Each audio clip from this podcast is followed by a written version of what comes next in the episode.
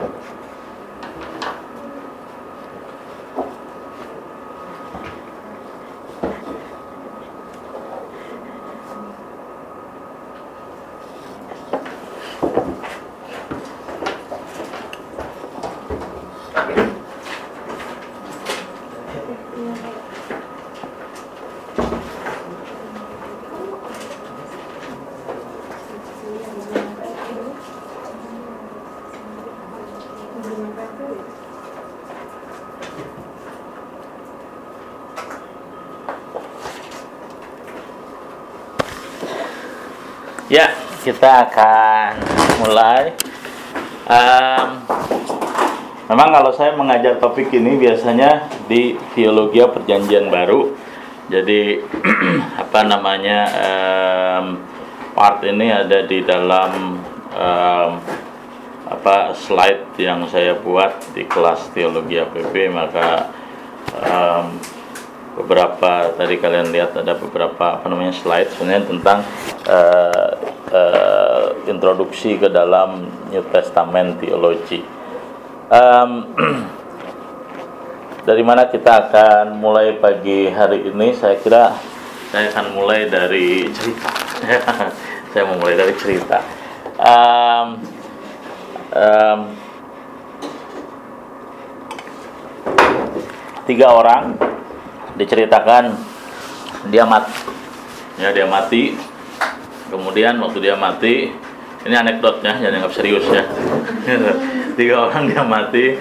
Kemudian dia pergi ke eh, apa namanya ke katakanlah tempat eh, pengujian begitu ya. Tempat eh, penentuan apakah orang apa masuk surga masuk neraka ataukah orang akan dapat reward ataukah tidak seberapa besar rewardnya. Maka eh, dia masuk ke satu ruang di situ. Nah di situ ada Petrus. Ya tiga orang ini si A si B si C. Kemudian dia eh, menghadap kepada Petrus dan Petrus mulai berkata-kata kepada mereka em, em, kalian akan akan eh, diberikan reward dan punishment ya sesuai dengan apa yang kalian lakukan dalam dunia ini.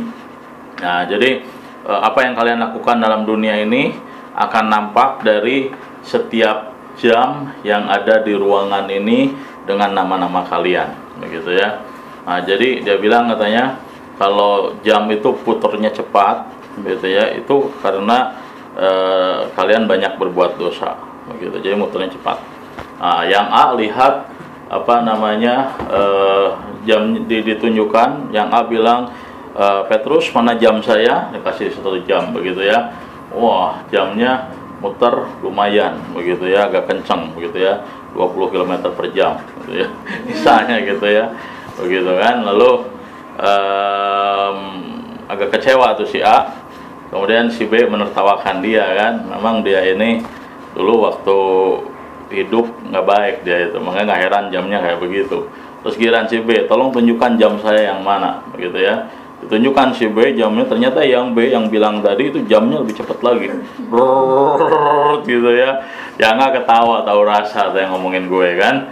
Nah, terus yang C dia lihat-lihat namanya A ada B ada Z D. Wah gua nggak ada nih. Kayaknya gue orang baik saya pikir begitu ya. Terus dia tanya sama Petrus dia bilang bapak eh, kenapa jam saya tidak ada? Dia bilang katanya oh begini jam kamu ditaruh di dapur kata dia. Kata Petrus loh kok? Kenapa ditaruh di dapur? Kita lagi bikin sate katanya. Begitu ya kata saya. Kata, kata Petrus jadi ya jadi jangan merasa diri baik sebelum nyampe sana ya.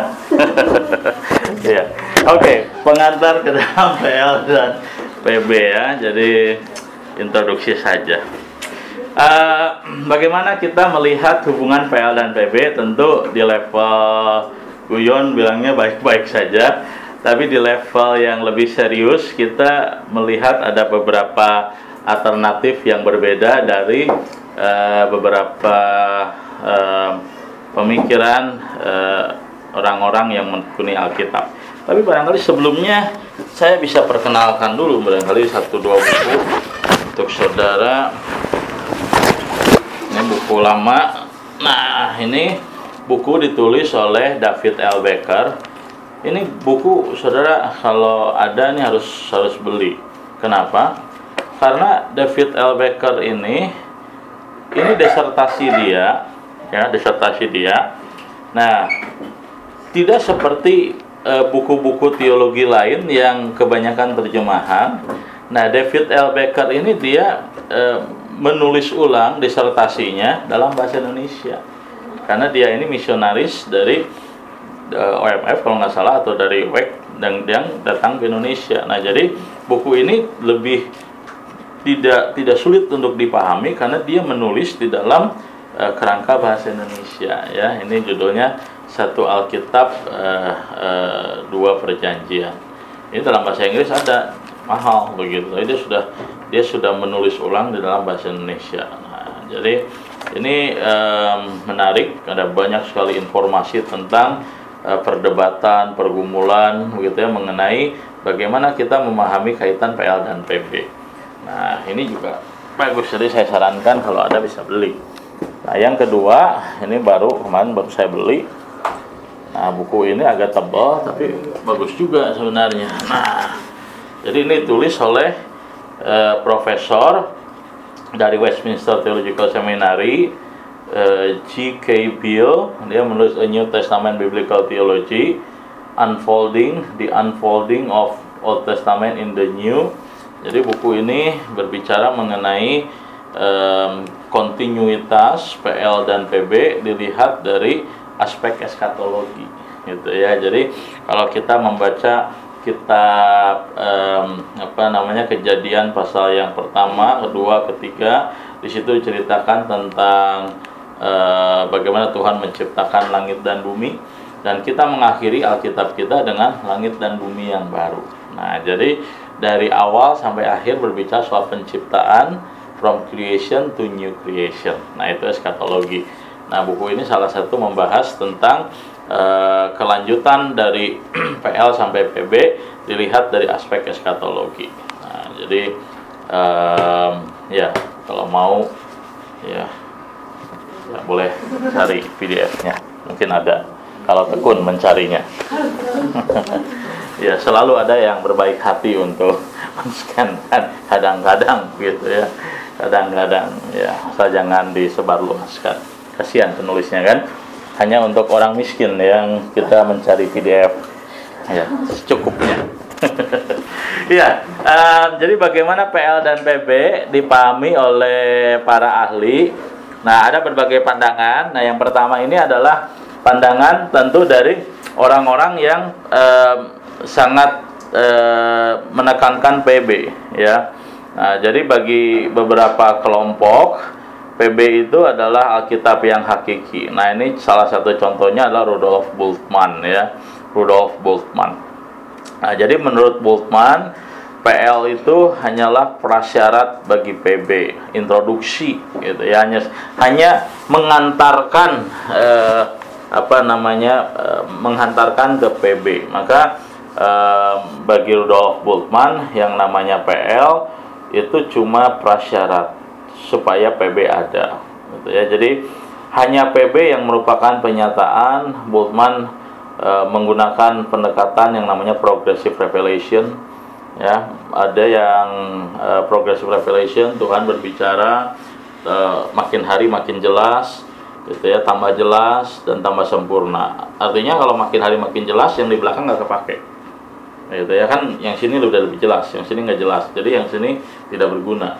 Gitu. Nah maka dalam pendekatan yang seperti ini pasti PL dipandang hanya sebagai introduksi dan tidak terlalu signifikan yang penting adalah PB jadi PB dipandang sebagai puncak dari perjanjian lama PL tidak dapat berdiri sendiri di luar PB ya. Jadi orang bisa bicara soal PB tanpa PL, tapi orang PL tidak bisa bicara tanpa PB. Kenapa? Karena PL hanyalah introduksi dan PB adalah yang eh, yang utamanya. Nah, dalam PL orang akan dibawa untuk mengenal keberdosaan dirinya. Inilah mengapa PL disebut sebagai Taurat. Sedangkan dalam PL eh, eh, eh, seseorang dibawa eh, dibawa eh, PB ya, sedangkan dalam PB seorang dibawa kepada keselamatan. Jadi PL eh, memperkenalkan Taurat, PB memperkenalkan Injil. Nah, sedangkan Taurat digunakan untuk menjelaskan tentang Injil. Nah, jadi eh, itu pandangan daripada eh, Rudolf Bultmann. Nah, barangkali eh, Rudolf Bultmann ngomong kayak begini dia bukan karena dia asal ngomong, tetapi teks Alkitab dalam beberapa hal memang seolah-olah memperlihatkan hal yang demikian. Maka saya ngajak kita melihat coba Galatia misalnya ya. Galatia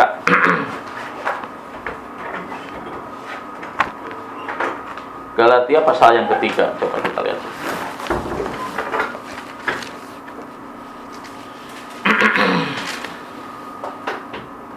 ya. Galatia pasal yang ketiga ayat 15 sampai dengan uh, 29. ya.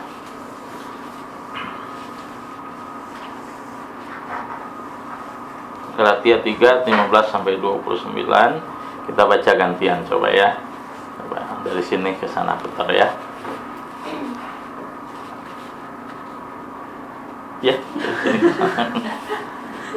hukum Taurat ada janji. Saudara-saudara, baiklah kuper- kupergunakan suatu contoh dari hidup sehari-hari. Suatu wasiat yang telah disahkan, sekalipun ia dari manusia, tidak dapat dibatalkan atau ditambahi oleh seorang pun. Adapun kepada Abraham diucapkan segala janji itu dan kepada keturunannya. Tidak dikatakan kepada keturunan keturunannya, seolah-olah dimaksud banyak orang, tetapi hanya satu orang dan kepada keturunanmu, yaitu Kristus. Maksudku ialah janji yang sebelumnya telah disahkan Allah tidak dapat dibatalkan oleh hukum Taurat yang baru terbit 430 tahun kemudian sehingga janji itu hilang kekuatannya. Sebab jikalau apa yang ditemukan Allah berasal dari hukum Taurat, ia tidak berasal dari janji. Tetapi justru oleh janjilah Allah telah menganugerahkan kasih karunia-Nya kepada Abraham. Kalau demikian, apakah maksudnya hukum Taurat? Ia ditambahkan oleh karena pelanggaran-pelanggaran sampai datang keturunan yang dimaksud oleh janji itu dan ia disampaikan dengan perantaran malaikat-malaikat ke dalam tangan seorang pengantara.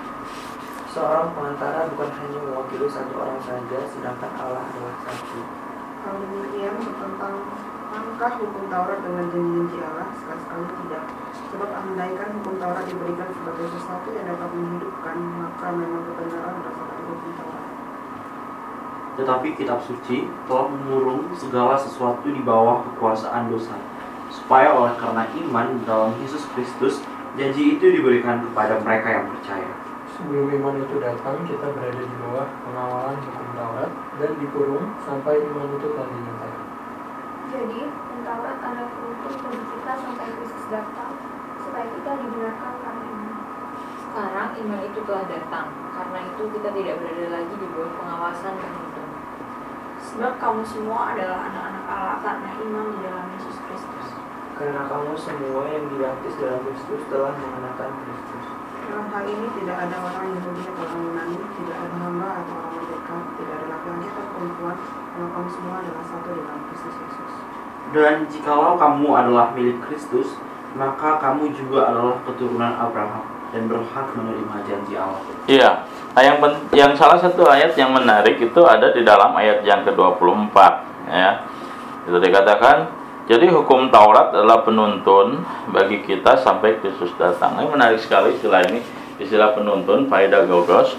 Nah, pedagogos di dalam eh, apa namanya orang kehidupan orang-orang Yahudi, orang-orang Kris, orang-orang abad pertama Masehi namanya pedagogos itu sup- jadi kalau eh, kalau kita sekolah kita pergi ke universitas kalau kita sekolah kita pergi ke tempat-tempat di mana kita bisa belajar sesuatu gitu ya maka lahirlah yang namanya college ya, dulu kan nah tapi zaman Alkitab mereka menggunakan sistem pendidikan nggak begitu.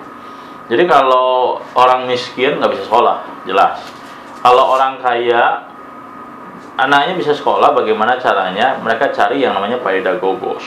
Nah, pedagogos itu adalah orang yang akan mengajari seseorang, seorang anak berbagai macam hal, mau pengetahuan, wisdom dan sebagainya.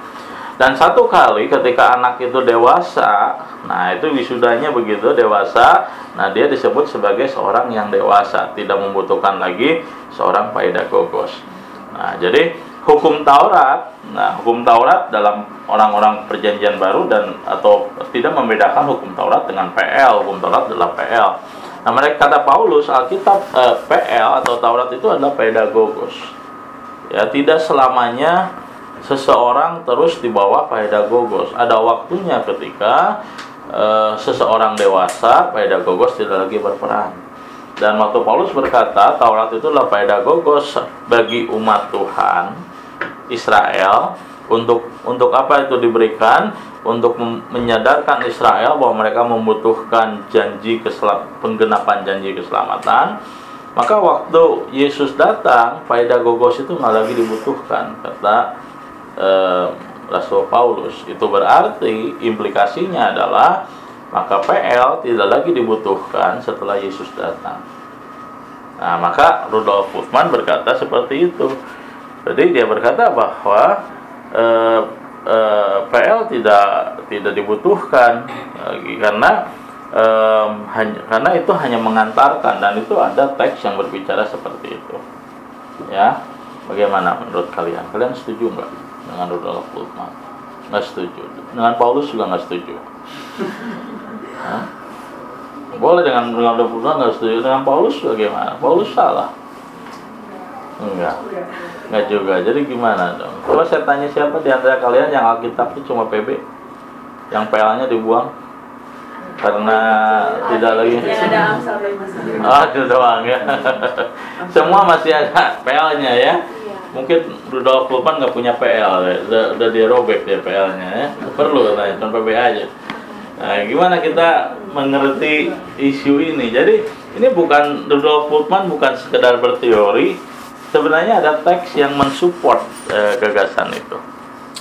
Ya gimana kalian eh, waktu mendengar apa yang yang yang di, disampaikan ini coba gimana menyanggahnya? Atau eh, kalian menjadi mendapat pencerahan sekarang? Bahwa ternyata eh, hanya PB yang firman Tuhan ya PL bukan ya jadi kita nggak usah lagi repot PL dari PL ya dari PB aja semua kalau begitu coba coba coba ada feedback coba ya berikan respon ah.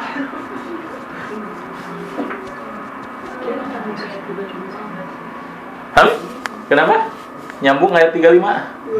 Ayat 25. Kenapa ayat 25? Sekarang iman itu telah datang karena itu kita tidak berada lagi di bawah pengawasan penuntun. Ya itu. Saya katakan jadi iman itu menunjuk kepada kedatangan Kristus. Sistem sistem keselamatan melalui iman itu sudah digenapkan di dalam Kristus. Maka sistem Taurat sudah nggak lagi dibutuhkan. Berarti hukum-hukum perjanjian lama nggak lagi berguna untuk apa? begitu untuk apa nggak ada gunanya lagi kata Rasul Paulus nah, gimana kira-kira menjawab pertanyaan kamu coba hmm? Gua tahu eh, eh gua tahu PB itu menggenapi kan harus Ah. ada PL. iya iya harus ada PL ya harus Iya. Cuma kalau ya sudah- kayak kalau buat PB terus kalau PB doang yang ada dia tahu dari mana itu Iya. pengungkapan. Ya em, ya ya nanti kita ganti PL jadi introduksi PB saja judulnya Oh. kalau begitu bukan Terus apa bedanya? eh, ya itu Kan beda bukan nama doang. Ah, Beda nama. Iya, jadi kalau tadi misalnya sekedar supaya kita tahu cerita dari PB itu seperti apa, ya udah PL nggak usah disebut kitab suci, introduksi kepada PB. Nama PL itu. Boleh nggak ganti begitu? Hah? Enggak ya? Enggak. Enggak, enggak. Ya gimana?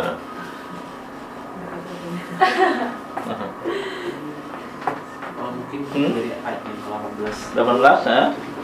itu kayak bicara janji Allah gitu. Heeh. Jadi sebenarnya yang di highlight mungkin eh, Allah memberikan perjanjian baru itu sebagai janji yang baru. gitu. Heeh. Jadi kayak perjanjian lama itu kayak bukan eh, jadi nggak dibutuhin, tapi untuk janji perjanjian lama itu bukan lagi Heeh. jadi hal yang menjadi utama karena udah ada perjanjian baru Iya. yang membuat jadi janji Allah. Iya, kalau udah ada perjanjian yang baru ngapain kita masih pakai perjanjian lama? Untuk hal janji Oh, untuk hal janji begitu ya. Oh, eh, jadi maksudnya eh, perjanjian lama, perjanjian baru yang dimaksudkan adalah kitab ya. Atau apa maksudnya? Karena di dalam Alkitab atau bicara soal New Covenant dan Old Covenant itu juga berbicara soal jadi perjanjian Allah dengan Israel itu Old Covenant, tapi juga kita berkata bahwa nanti Tuhan akan membangun the New Covenant. Nah, waktu New Covenant berlaku, Old Covenant memang berlaku. Ya. Nah, jadi gimana maksudnya menurut kamu? Kalau Tuhan Yesus bilang ada anggur lama, anggur baru, anggur lama, anggur baru nggak bisa dicampur, rusak semua. Anggur lama ada kantongnya, anggur baru kantongnya. Itu kira-kira bicara soal dua sistem perjanjian yang berbeda gitu atau bagaimana menurut kalian? Hmm? adanya PL justru melihat eh, kebergantungannya PPL kebergantungan? maksudnya em, ya, kayak eh, berita yang dibawa PB itu tidak bisa tidak mungkin dapat diamplifikasi atau dinikmati Mhm. kalau tanpa ada PL Oh gitu. Kalau nggak nggak kalau nggak nggak nggak baca PL, maksudnya kalau orang nggak tahu PL pasti nggak ngerti PB. Gitu ya. Saya biasanya kalau mengajar jemaat dan PB dulu, baca PBPL susah soalnya begitu. Dan misalnya mereka, tapi mereka bisa mengerti menurut saya PB ini. Walaupun mereka nggak mengerti hukum PL, nggak mengerti jumlah domba, jumlah kambing, Yosua siapa. Tapi waktu mereka baca PB, mereka saya masih bisa mengerti itu tanpa pengetahuan tentang PL. Betul nggak? Betul ya. Jadi berguna nggak PL? Jadi susah juga ya. Ya kita dengar yang yang yang demennya PL ya. Ini yang demennya PL kita dengar. PL sebagai Alkitab yang hakiki. Ya. Eh, pelopor dari ide ini Arnold A. van Ruller ini berarti orang Belanda ya Arnold kalau van kalau von Jerman kalau van orang Belanda ya tapi kalau udah digabung Van-nya berarti dia orang Amerika. Ya. Ya Van Husser Van sama Hussernya udah rangkat jadi satu itu udah udah udah udah, udah orang Amerika. Pelopor posisi dari Alkitab sebagai PL yang hakiki itu Arnold van Ruller dia menegaskan bahwa tanpa PL orang Kristen tidak dapat memahami PB nah seperti tadi ya. Nah argumentasinya apa menurut Van Ruller pertama PL dan PB memiliki berbagai perbedaan terkait Mesias, cara penebusan. Namun PL lebih unggul dari PB dalam hal pertama PL ada berbagai janji yang tidak hilang dibandingkan dengan apa yang PB berikan. Jadi kalau PL dibuang, kita kehilangan mungkin eh, setengah daripada apa yang dijanjikan di dalam PL ya. Nah, berkat yang bersifat lahiriah tidak hilang. Tidak seperti berkat yang dijanjikan dalam PB. Dalam PB semuanya rohani, yang PL jasmani. Kita senang dengan yang jasmani, ya. Yang rohani penting untuk nanti saja, surga gitu ya. Tapi yang duniawi penting dan di PL banyak ya, banyak PL. Ya, kan kita senang kalau bakul nasi kita diberkati kan dalam hukum Taurat kan diberkatilah bakul nasimu kan ya, bakul nasi. Jika PL berbicara tentang rencana kekal Allah, maka PB ya, yang berpusatkan pada tindakan Yesus sebenarnya merupakan tindakan darurat Allah dalam mendirikan kerajaannya di bumi. Jadi kata dia, PB itu sebenarnya adalah exit door. Ya, itu cuma karena rencana Tuhan itu ada di PL, cuma gara-gara em, apa namanya em, em, manusia jatuh dalam dosa, maka Tuhan bikin rencana cadangan mengembalikan ke sini. Jadi ini sebenarnya adalah cuma satu segmen dari apa yang rencana Tuhan nyatakan di dalam PL, begitu kata dia. Ya. Nah, jadi menurut dia em, PB cuma satu bagian, PL berbicara keseluruhan. Ya. Jadi kalau dicabut yang ini bagaimana? Secara keseluruhan tetap kita mengerti. Nah, ini kebalikannya. Begitu. Ya, menurut kalian gimana ini ya? Coba Am, gimana? Setuju nggak sama Pandura? Setuju ya? Hah? Gimana menjawab? Iya, iya.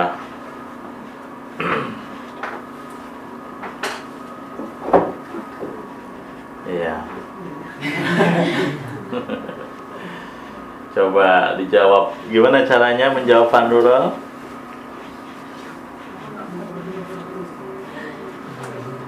PL PB memiliki perbedaan. PL lebih unggul dari PB dalam hal PL berbagai janji yang tidak hilang dibandingkan apa yang PB berikan. Ya, ada nggak janji dalam PB yang tidak ada dalam PL?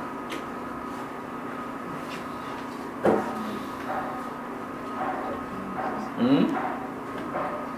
Harusnya ada ya, harusnya, harusnya ada janji yang tidak ada di dalam PL, yang ada di dalam PB. Hmm. Ya, berarti kalau sama-sama ada yang PL ada, PB tidak, ada yang PB ada, PL tidak, ya berarti PL juga membutuhkan PB kan? Begitu. Kecuali yang dia katakan benar begitu. Bahwa dalam PL eh, semua ada, PB cuma meneguhkan apa yang PL katakan. Ya, ada contohnya enggak? Yang PB ada, PL nggak ada. Hmm? Hmm?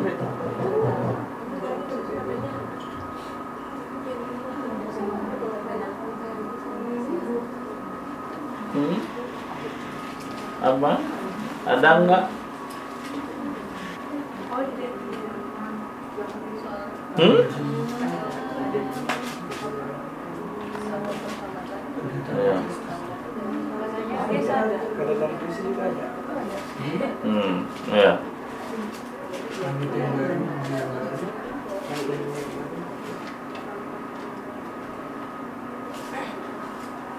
Ada nggak yang ada di PB, nggak ada di PL?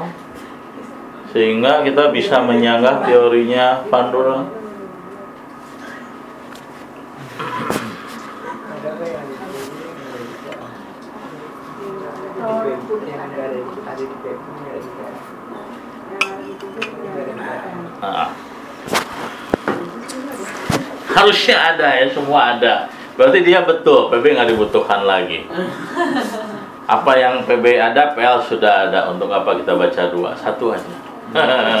Bahkan PL lebih lengkap dibanding PB, itu nggak? Lebih tebal juga. Nggak bisa ya? Iya. Ada nggak yang ada di PL, nggak ada di P- yang ada di PB, nggak ada di PL? Hmm? Apa? Apa? Coba. Iya. Iya. Am? Eh, kalau khotbah di bukit, apa yang Tuhan Yesus kritiki dari PL? Ya, kamu mendengar firman jangan membunuh. Tapi aku berkata kepadamu, apa yang Yesus lakukan? Kan tapi kan Hah? tapi kan dia Yesus bilang dia datang bukan meniadakannya, Heeh. Tapi menggenapinya. Iya, betul menggenapinya. Lalu kalau waktu Tuhan lalu misalnya contoh asalnya ya, waktu Tuhan Yesus berkata, coba lihat. Ini sebenarnya Tuhan Yesus lagi ngapain sih? Waktu dia ngajar misalnya Matius pasal yang ke Kita lihat khotbah di bukit ya, pasal yang kelima misalnya. Matius pasal yang kelima Coba lihat misalnya em,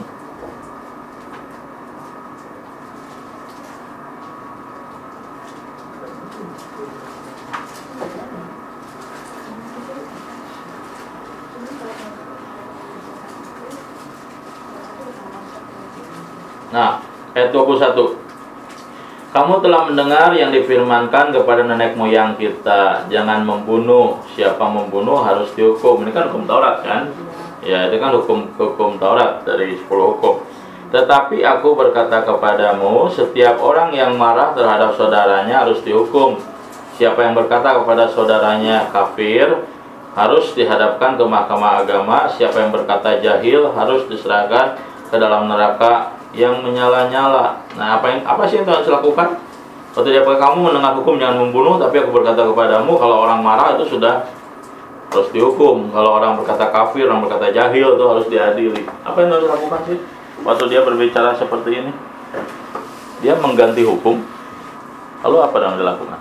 menempatkan makna aslinya Makna aslinya memberikan makna sebenarnya dari dari hukum PL kan. Nah berarti kalau tidak ada penjelasan dari Yesus, hukum PL bisa dipahami nggak maknanya? Ah berarti dia salah kan? Ada yang yang PL nggak punya, gitu ya. Contohnya ya, gitu kan. Nah jadi ya karena saya orang PB harus membela diri saya kalau diserang seperti ini ya. Ya saya harus membela diri kalau dibilang seperti ini. Ya. Ya. Terus eh, yang kedua berkat yang bersifat lahiriah tidak hilang, tidak seperti berkat yang dijanjikan dalam PB. Ya. em, apa namanya tidak seperti berkat yang dijanjikan di dalam PB. Di dalam PB sebenarnya em, berkatnya justru lebih komplit karena di, di dalam PB kita berbicara mengenai bagaimana yang ada di bumi dengan yang ada di langit jadi satu. Nah, gitu. Jadi ada salah paham seolah-olah PB itu hanya berorientasi kepada dunia yang akan datang, padahal tidak sama sekali tidak. Jika PL berbicara tentang rencana kekal Allah, maka dalam PB berpusatkan pada tindakan Yesus sebenarnya merupakan tindakan darurat Allah. Tentu eh, kita bisa menyanggah ini. Bagaimana cara menyanggahnya? benar benar jadi kalau baca Efesus pasal yang ketiga rencana keselamatan itu bukan dikerjakan sejak manusia jatuh dalam dosa sebelumnya Tuhan sudah memiliki rencana tersebut. Jadi eh, tiga eh, tiga apa namanya argumentasinya masih bisa di apa di dijawab. Jadi menurut saya PL sebagai yang hakiki ya kita masih bisa sanggah ya jadi kalau kalau sarjana PL nggak boleh banyak ngomong soal PB. Kenapa? Karena di PL nggak ada PB. Kalau sarjana PB boleh ngomong soal PL. Kenapa? Karena di PB ada PL-nya. Gitu ya. Gitu. Jadi orang PB biasanya lebih sedikit apa? sombong dibanding orang PL. Tapi jangan lupa dengan kipas tadi ya. Jangan merasa baik sebelum nyampe ke sana. Nah, ini ada lagi Eh, PLPB adalah perjanjian dengan satu sejarah keselamatan. Nah ini eh, jadi kalau tadi mengkontraskan ini PL, ini PB, PL hakiki, PB hakiki, gitu ya mana yang lebih lebih lebih skriptural gitu ya perdebatannya. Nah ini ada orang-orang yang berupaya menggabungkan ya PL dan PB. Nah ada seorang ahli perjanjian lama namanya Gerhard von Rath ya Gerhard von Rath. Uh, jadi von Rath mengatakan uh, yang mengikat PL dan PB itu adalah sejarah keselamatan. Ya, sejarah yang dibicarakan dalam kitab suci bukanlah sejarah pengertian umum, laporan peristiwa masa lalu, namun kisah tentang bagaimana Allah menyelamatkan umatnya di sepanjang sejarah hidup mereka. Dan menurut Gerhard von Rath, PL dan PB, sepanjang PL dan PB, prinsip atau tradisi dari keselamatan yang dikerjakan Allah diaktualisasikan dalam setiap pergumulan umat Tuhan di sepanjang sejarah mulai dari PL dan PB. Nah, jadi itu yang dia katakan. Nah, jadi pendekatan Gerhard Konrad itu bisa menjawab apa yang Rudolf Bultmann sampaikan. Waktu dia misalnya atau tadi dalam dalam Matius eh dalam dalam Paulus tadi kita mendiskusikan bahwa Paulus mengajarkan kepada kita bahwa eh, PL itu Taurat itu adalah penuntun sampai masa Yesus datang itu nggak dibutuhkan lagi. Nah itu berbicara soal apa? Itu berbicara mengenai sejarah keselamatan. Nah dalam sejarah keselamatan memang peran daripada role Taurat selesai dalam konteks sejarah keselamatan. Karena Taurat diberikan untuk menjaga umat Israel supaya umat Israel dibawa kepada puncak pemberontakannya. Begitu ya. Jadi eh, desain Tuhan adalah memang Israel harus memberontak terhadap Tuhan dan puncak daripada pemberontakan umat kepada Tuhan adalah dibukanya kesempatan untuk bangsa-bangsa lain menjadi umat Tuhan. Itu rencana keselamatan Tuhan. Begitu. Jadi um, apa namanya uh, itu yang nanti kalau saudara baca dalam uh, Roma ya itu akan akan akan kita temukan. Coba kita lihat sebentar ya. Roma pasal yang ke um, Roma pasal yang ke-9 sampai dengan yang ke-11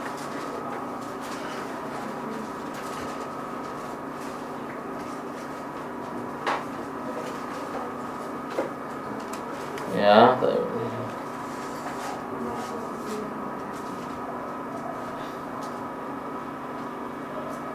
Nah ini Paulus berbicara tentang eh, bangsa-bangsa peran Israel dan kejatuhannya, ya. Nah kita lihat, eh, nah sebaiknya sebenarnya kalian membaca keseluruhan Roma pasal 9 dan 11 Tapi coba kita lihat pasal 11 ayat 11 sampai dengan 24 Karena ini bagian yang menolong kita mengerti tentang sejarah keselamatan ya. Eh, bisa kita baca satu-satu lagi? Israel, Roma, iya. Israel tersandung, bangsa-bangsa lain selamat. Maka aku bertanya, adakah mereka tersandung dan harus jatuh? Sekali-kali tidak. Tetapi oleh pelanggaran mereka, keselamatan telah sampai kepada bangsa-bangsa lain supaya membuat mereka semua. Sebab jika pelanggaran mereka berarti kekayaan bagi dunia dan kekurangan mereka kekayaan bagi bangsa-bangsa lain terlebih lagi, lebih lagi kesempurnaan mereka. Aku berkata kepada kamu, hai bangsa-bangsa bukan Yahudi, justru karena aku adalah rasul untuk bangsa-bangsa bukan Yahudi, aku menganggap hal itu kemuliaan pelayananku. Yaitu kalau-kalau aku dapat membangkitkan sendiri di dalam hati kaum sebangsaku menurut daging dan dapat menyelamatkan beberapa orang dari mereka. Sebab jika penolakan mereka berarti perdamaian bagi dunia, dapatkah penerimaan mereka mempunyai arti lain daripada hidup dari antara orang mati? Jikalau roti sulung adalah kudus, maka seluruh adonan juga kudus. Dan jikalau akar adalah kudus, maka cabang-cabang juga kudus. Karena itu apabila beberapa cabang telah dipatahkan dan kamu sebagai tunas liar telah dicangkokkan di antaranya dan turut mendapat bagian dalam akar pohon zaitun yang penuh getah, Janganlah kamu bermegah terhadap cabang-cabang itu. Jikalau kamu bermegah, ingatlah bahwa bukan kamu yang menopang akar itu, melainkan akar itu yang menopang kamu. Mungkin kamu akan berkata-kata berkata ada cabang-cabang yang dipatahkan supaya aku dicangkokkan di antaranya tunas. Baiklah, mereka dikatakan karena ketidakpercayaan mereka, dan kamu sudah tercacat karena iman. Janganlah kamu sombong, tetapi takutlah. Sebab kalau Allah tidak menyayangkan cabang-cabang asli, Ia juga tidak akan menyayangkan kamu.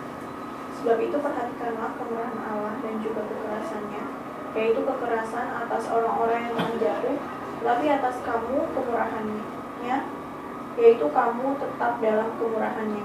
Jika tidak, kamu pun akan dipotong juga. Tetapi mereka pun akan dicangkokkan kembali jika mereka tidak tetap dalam ketidakpercayaan mereka. Sebab Allah berkuasa untuk mencangkokkan mereka kembali. Sebab jika kamu telah dipotong sebagai cabang dari pohon zaitun liar dan bertentangan dengan keadaanmu itu, kamu telah dicangkokkan pada pohon zaitun sejati. Lebih lagi mereka ini, yang menurut asal mereka akan dicangkokkan pada pohon zaitun mereka sendiri. Ya, nah jadi teks ini mengatakan bahwa memang mereka harus memberontak, memang mereka harus melawan Tuhan, memang mereka harus em, apa itu namanya eh, mencapai puncak pemberontakannya supaya pintu keselamatan terhadap bangsa-bangsa lain terbuka, begitu ya. Dan dan memang em, apa namanya em, peran daripada hukum Taurat adalah menghantarkan Israel sampai kepada puncak pemberontakannya. Begitu ya. E, maka Rasul Paulus di dalam Galatia pasal yang ketiga menjelaskan bahwa justru hukum Taurat itu diberikan supaya kita mengenal dosa. Supaya bangsa Israel tahu dirinya berdosa dan mereka betul-betul puncak kejatuhannya dan Tuhan membukakan jalan bagi bangsa-bangsa lain maka em, apa namanya em, em, zaman baru terbuka gitu ya nah coba bandingkan dengan misalnya eh, hampir terbang. Matius pasal yang pertama ya ayat yang ke-17 nah ini juga bicara soal silsilah ini berbicara soal sejarah umat Tuhan. Ya Matius 1 ayat 17 jadi seluruhnya ada 14 keturunan dari Abraham sampai Daud. Nah, 14 keturunan dari Abraham sampai Daud itu ini bukan bicara soal keturunan, ini bicara soal generasi. Ini namanya generasi patria. Bagaimana Tuhan membangun perjanjian dengan para leluhur. Lalu 14 keturunan dari Daud sampai dengan pembuangan Babel. Nah, ini adalah generasi yang disebut sebagai generasi kerajaan di mana bangsa Israel mengalami degradasi iman dan kesetiaan kepada Tuhan dan 14 keturunan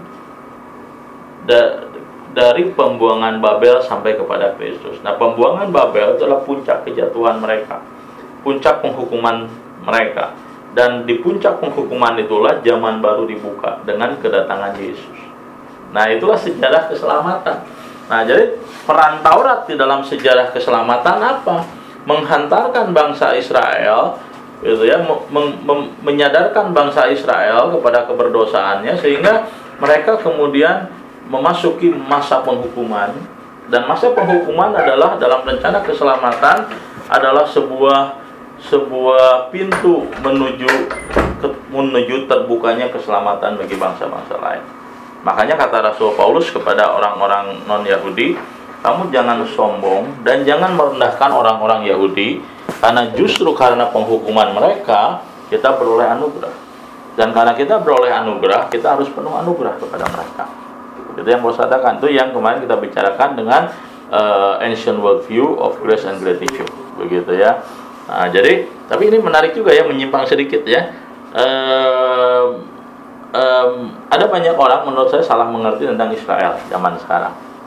Ya, coba saya mau tanya e, menurut saudara Israel sekarang umat pilihan Tuhan bukan? Israel bang. Iya Mas Israel yang sekarang ada di tanah Palestina sono. Yang kita dengar di beritanya bunuh-bunuhan sama orang Palestina itu masih umat pilihan Tuhan bukan?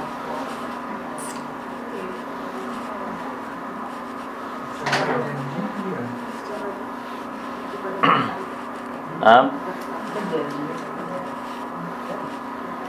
ya menurut kalian Israel yang di tanah Palestina sana yang di demo terus itu. Apakah mereka umat pilihan Tuhan?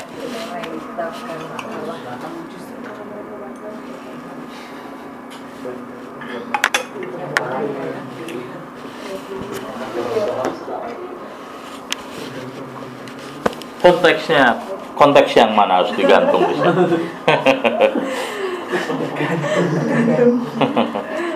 Konteks apa yang kita bicarakan sekarang untuk Israel? Masalah keturunan dari Abraham. Heeh. Heeh. Secara janji Heeh. mereka yang dipilih. Nah, jadi mereka umat Allah bukan? Umat Allah ya. Sampai sekarang masih umat Allah. Benar ya. Hah? Kayaknya enggak. Menurut kamu enggak? Kenapa enggak? Karena kayaknya waktu Allah memilih mereka umat Hah? eh, jadi imam untuk mengabarkan itu.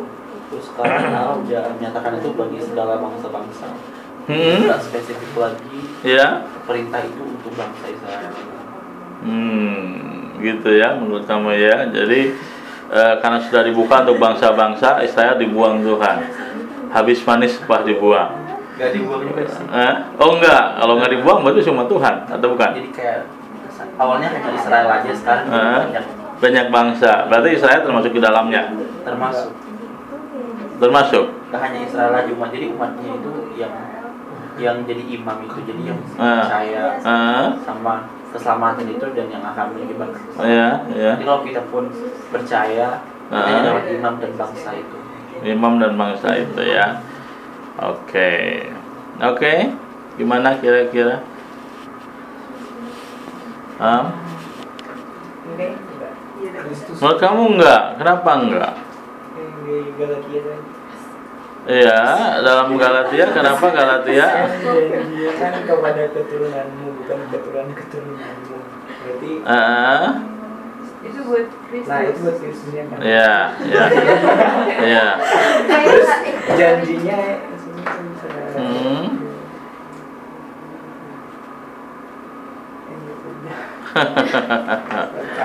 Bagaimana ya? Apakah Israel itu masih umat pilihan Allah enggak ya? Oke, kalau secara bangsa sebenarnya tapi mungkin beberapa orang di antara itu ya ditetapkan Allah buat diselamatkan gitu. Gitu ya. Kan kayak Sarimi kemarin. Nicholas Iya, Komi. Iya, iya, iya. Iya, Sarimi kenapa Sarimi? Sarimi kemarin dianalogikannya Ah. kayak Sarimi jadi kayak bangsa Israel tuh sepanjang perjanjian lama dijaga terus eh, apa ya buat jadi eh buat terus nggak campur sama bangsa lain Ah. jadi kayak biar Israelnya murni terus sampai eh, ada keturunan eh, Yesus Kristus gitu Iya. jadi terus dijaga jadi dia seolah-olah jadi kayak cupnya popmi Ah. Israelnya terus dijaga tapi begitu Kristusnya udah ada Ah. eh, maksudnya popminya dibikin terus ah. dimakan ya cupnya dibuang nggak Cupnya dibuang. nggak apa-apa lagi eh, nggak dijaga kemurnian bangsanya gitu nggak sih Oh, nggak gitu. didukung terus ya nggak sih ya gak sih ya Iya, iya, iya, iya. Iya, iya, tapi, kap itu kan bukan Israel kan? Israel. Israelnya Ya, ya. Nanti didebatkan lagi ya. Ya, em, kalau saya percaya bangsa Israel secara bangsa itu umat pilihan Allah yang perjanjian Tuhan dengan mereka bersifat kekal secara bangsa. Tapi secara individu, eh, jadi artinya begini, waktu Tuhan memiliki perjanjian dengan Abraham dan keturunannya secara bangsa, bukan individu per individu. Jadi bangsa Israel memang belum selesai di dalam eh, kiprahnya dalam sejarah keselamatan. Tuhan punya rencana atas mereka begitu. Jadi em, tetapi secara individu eh, Israel yang yang diselamatkan adalah Israel yang memiliki iman seperti Abraham. Tapi secara bangsa perjanjian itu kekal. Justru em, apa itu namanya perjanjian Tuhan dengan bangsa Israel, gitu ya, eh, adalah perjanjian yang yang yang dibangun bukan berdasarkan eh, kualitas ketaatan eh, seseorang manusia tapi berdasarkan kesetiaan Tuhan. Maka dalam sejarah perjanjian lama saya perjanjian baru, Paulus tidak pernah menyangkali bangsa Israel sebagai umat Tuhan.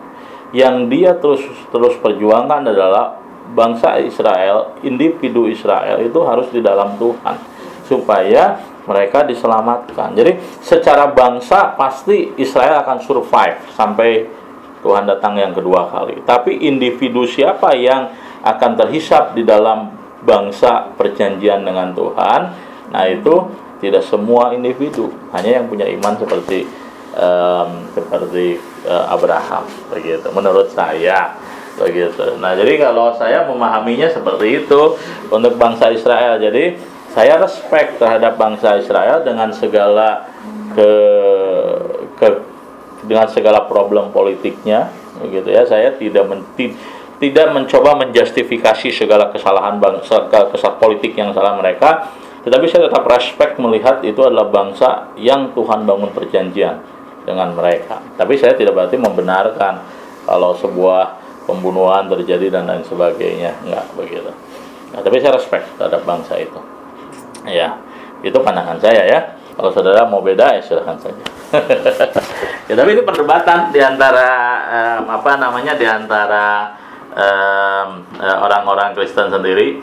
Satu kali saya diminta memberikan seminar tentang eh, kenapa orang-orang Yahudi tidak percaya kepada Yesus. Nah saya jelaskan tetapi saya juga menjelaskan Roma pasal 9 bahwa pandangan Paulus memperlihatkan bahwa bangsa Israel itu masih umat Allah.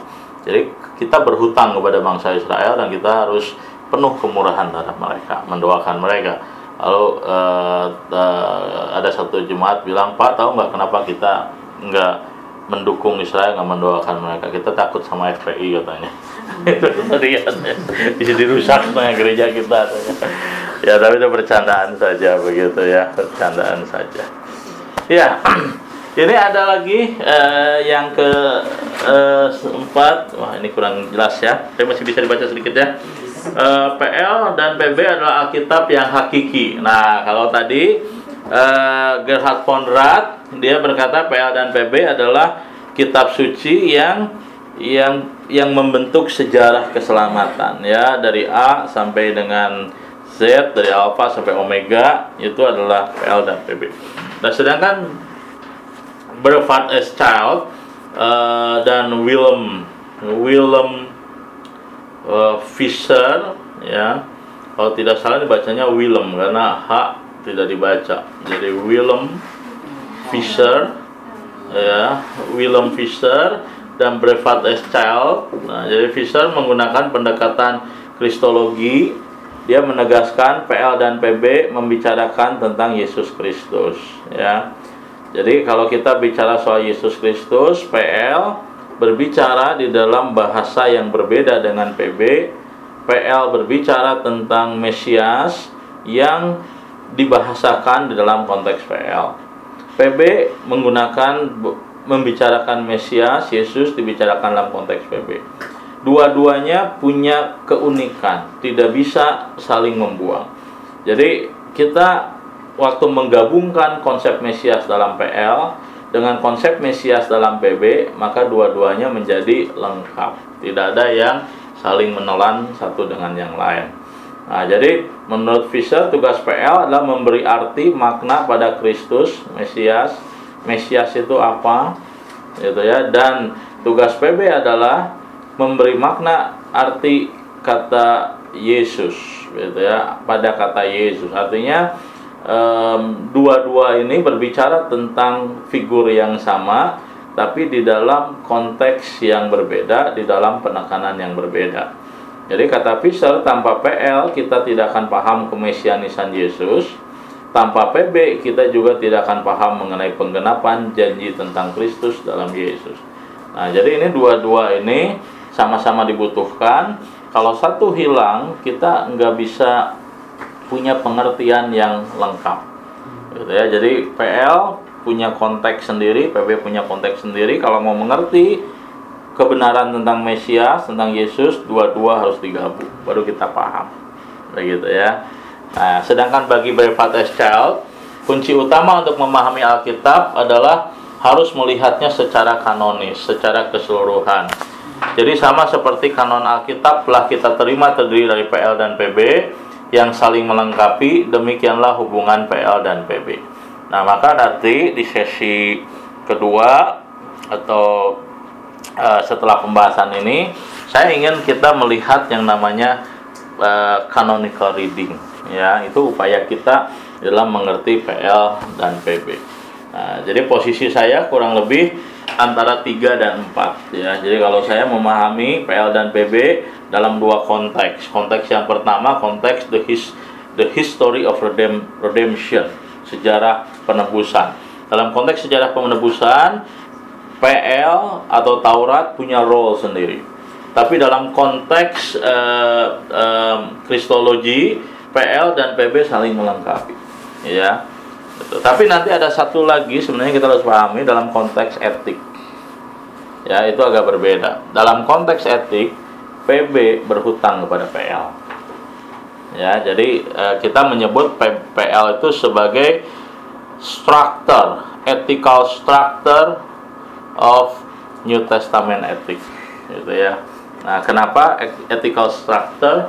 Jadi ethical structure itu kit- eh, PB itu waktu dia merumuskan menuliskan tentang eh, etikanya itu didasarkan pada PL sama seperti begini. Waktu kalian menulis dalam bahasa Inggris misalnya ya dalam bahasa Inggris. Misalnya eh, eh, kalian kalian menulis misalnya eh, my research misalnya has shown that my thesis is correct.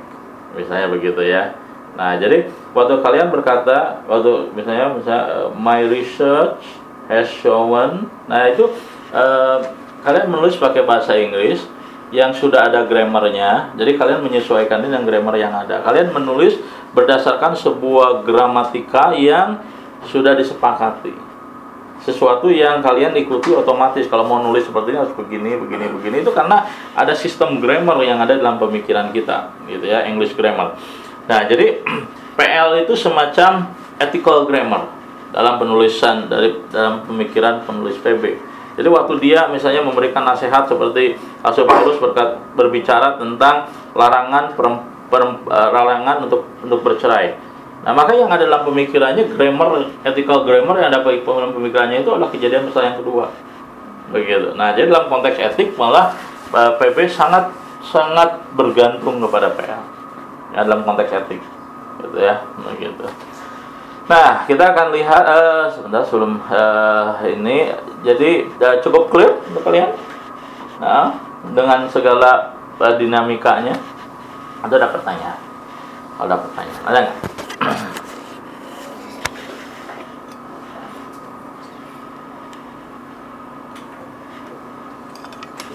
Ya, kalau ada pertanyaan? Nggak ada? ya? Eh, saya masih bingung Pak kalau yang tugas PL memberi arti atau makna pada kata Kristus, tugas PB memberi arti atau makna pada kata Yesus. Ya, ya, terima kasih.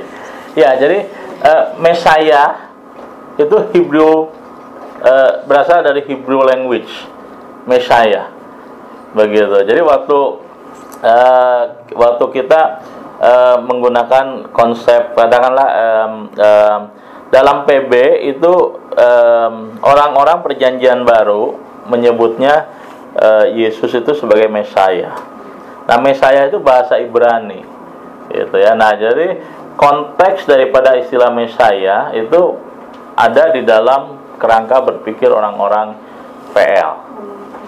Nah, tapi eh, kerangka Mesiah ini, konteks PL siapa itu Mesias itu, nah itu adalah kerangka yang katakanlah one side begitu. Nah, dalam PB Mesias itu di apa namanya dibahasakan Mesias itu dikonkretkan di dalam sosok pribadi Kristus.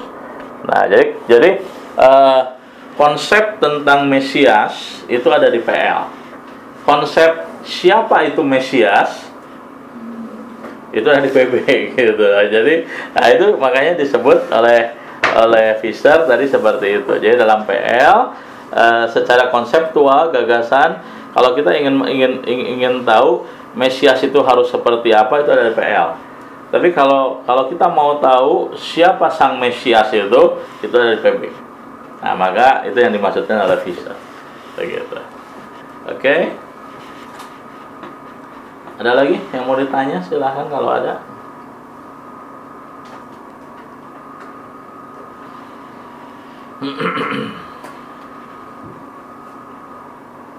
Nah, kalau tidak ada kita lanjut dengan satu poin lagi.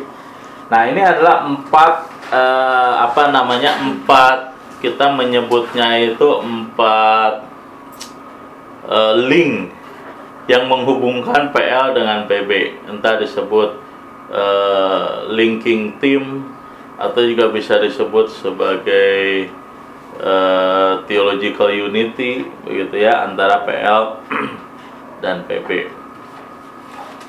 Jadi eh, yang pertama adalah kristologi.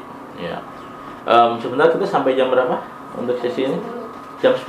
Oke. Jadi em, pertama kristologi itu nggak bisa dipungkiri kristologi ya. Jadi em, PL dan PB berbicara sama-sama tentang Mesias, tentang Christ itu jelas. Dalam PL Rasul Paulus bahkan sudah berkata tadi yang kita baca tadi ya, janji Allah kepada Abraham bahwa melalui keturunanmu semua bangsa akan diberkati. Nah, bahkan Paulus melihat bahwa bahwa keturunan yang dimaksudkan ini yang akan memberkati segala bangsa itu adalah bukan ketur, bu- adalah keturunan yang yang akan membawa keselamatan. Dia memberkati dalam konteks keselamatan, membuka jalan keselamatan, sangat kristologis. Gitu. Nah, jadi bahkan kalau kita membaca eh, eh, tulisan-tulisan PE, PPB tentang PL, banyak sekali yang bersifat kristologis. Contoh misalnya ya, kita lihat misalnya dalam Matius misalnya. ya, dalam Matius. Sederhana saja kita lihat Matius pasal yang kedua, kita ambil yang paling pendek saja, ayat 16 sampai dengan 18. Kalau ini mungkin boleh eh, dibacakan oleh satu orang. Ya. Ketika Herodes tahu bahwa ia telah diperdayakan oleh orang-orang Majus itu, ia sangat marah. Lalu ia menyuruh membunuh semua anak di Bethlehem dan sekitarnya, yaitu anak-anak yang berumur dua tahun ke bawah, sesuai dengan waktu yang dapat diketahuinya dari orang-orang Majus itu. Dengan demikian genaplah firman yang disampaikan oleh Nabi Yeremia. Terdengarlah suara di Rama, tangis dan ratap yang amat sedih. Rahel menangisi anak-anaknya dan ia tidak mau dihibur sebab mereka tidak ada. Iya, nah jadi dalam Injil Matius dikutip mengenai nubuatan dari Nabi Yeremia yang menurut Matius tergenapi dengan pembunuhan anak-anak eh, di Bethlehem tersebut oleh Herodes dan pembunuhan itu terjadi karena kaitannya dengan Mesias gitu ya. Nah, itu contoh. Gitu. Lalu lihat lagi misalnya kalau kita baca misalnya Yohanes pasal yang pertama ayat 17 Yohanes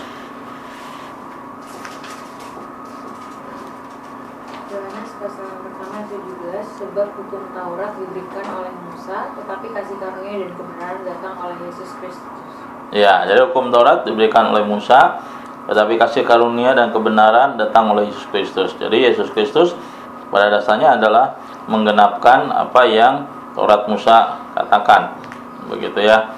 Gitu. Nah, jadi juga ayat 18 tidak ada seorang pun yang pernah melihat Allah tetapi anak tunggal Allah yang ada di pangkuan Bapa dialah yang menyatakannya. Yesus datang untuk menyatakan apa yang perjanjian lama tidak bisa nyatakan. Gitu ya. Nah, jadi kristologi adalah salah satu linking team di dalam em, apa namanya di dalam membi- dalam P- hubungan PL dan PB. Bahkan kalau kita membaca di dalam em, apa namanya Injil Yohanes, di situ kita menemukan ada begitu banyak gagasan yang dikaitkan tentang Yesus, di mana gagasan itu sebenarnya berasal dari perjanjian lama sebenarnya. Ya. Contoh misalnya, waktu dia berbicara soal akulah roti hidup. Nah, dia berbicara roti lahirul hidup dalam kaitannya dengan tradisi apa? Masih ingat nggak? Hmm? Eh, roti hidup eh, eh, mana di padang gurun Israel dapat 40 selama 40 tahun mendapatkan roti dari Tuhan mana itu. Dan Yesus berkata bahwa dia adalah roti hidup. Ya dia adalah mana yang sejati. Nah jadi nah di dalam studi linguistik ini disebut sebagai metaphorical eh, metaphorical language ya bahasa metaphorical nah bahasa metaphorical itu jadi waktu Yesus berkata dia adalah roti hidup dia adalah mana hidup berarti antara Yesus dengan mana ada yang sama, ada yang tidak. Karena metaphorical itu menegaskan what it is and what it is not. Terus selalu begitu. Gitu ya. Jadi kalau kita berkata misalnya eh, Yesus berkata, "Aku adalah gembala yang baik." Nah, jadi ada something yang mengkonekkan antara gembala dengan Yesus. Tetapi ada juga yang berbeda antara gembala dunia ini dengan Yesus. Nah, itu metaphorical language, selalu begitu. Nah, jadi kalau kita memahami sebuah metafor dalam Alkitab, kita harus memikirkan dua hal tadi, yang samanya dan yang tidaknya. Nah, jadi waktu Yesus berkata, "Akulah gembala yang baik." Nah, jadi ada persamaan antara gembala dengan dia, apa itu bahwa sama seperti gembala memberikan nyawanya untuk domba-dombanya, Kristus melakukan hal yang sama. Tapi ada perbedaan antara Yesus dengan gembala dunia ini. Apa? Bahwa Yesus memiliki kualitas jauh di atas gembala dunia ini. Tidak ada gembala yang sama seperti Yesus. Nah, jadi harus waktu kita berbicara soal metaphorical language, harus ada yang sama dan yang beda yang nggak boleh kita abaikan. Nah, itu metaphorical language. Nah, nanti dalam kitab Ibrani kita menemukan hal yang sama. Waktu dia berbicara tentang Yesus dan Melkisedek, Yesus dan Joshua dan sebagainya dibandingkan, yaitu metaphorical language. Nah, itu kita termasuk misalnya di dalam Injil Matius secara implisit Yesus itu digambarkan sebagai new Moses. Moses yang baru. Kenapa? Karena Yesus seperti Moses dia dia membawa hukum. Begitu ya. Jadi Musa membawa hukum, Yesus membawa hukum. Maka disebut new Moses. Tapi ada perbedaan antara Yesus dengan Moses. Ada persamaan, ada perbedaan. Nah, itu metaphorical uh, image gitu ya. Nah, jadi itu uh, penting untuk kita pahami. Jadi dalam PL dan PB menekankan sangat uh, kristologi itu sangat penting gitu ya. Tapi yang kedua, hubungan PL dan PB dibangun bukan hanya berdasarkan kristologi, tapi berdasarkan tipologi. Nah, apa itu tipologi? Ada yang tahu tipologi apa? Dari kata tipos. Hmm? Bukan kesalahan ketik ya. Ada yang tahu tipologi itu apa? bayang-bayang Ah, ah, hmm, hmm. Ya, maksudnya bayang-bayang itu bagaimana?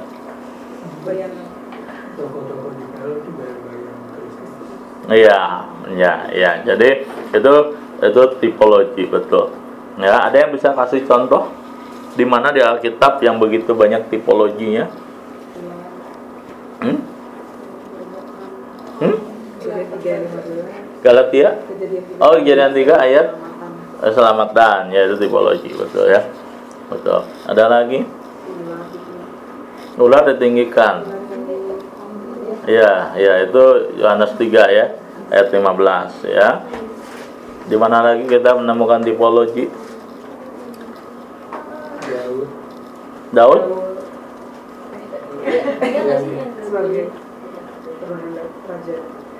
Hmm. Kenapa dengan Daud?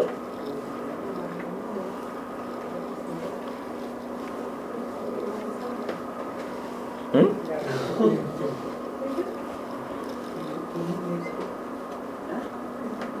Di mana? Hmm? Yunus tiga hari di perut ikan Yesus tiga hari di perut bumi oh gitu ya tipologi ya iya iya iya ya. sebenarnya yang penuh dengan tipologi itu surat Ibrani ya penuh dengan tipologi termasuk waktu dia menggambarkan hari perhentian sabat ya jadi eh, ada sabat eh, dunia ini tapi sabat dunia ini sebenarnya adalah hanya gambaran sementara sabat yang asli sedang menanti kita. Kalian pernah belajar filsafat Plato dalam filsafat barat? Hmm? pernah? Sudah lupa atau barangkali bahwa segala sesuatu yang ada di dunia ini bayang-bayang dari sebuah realita idea.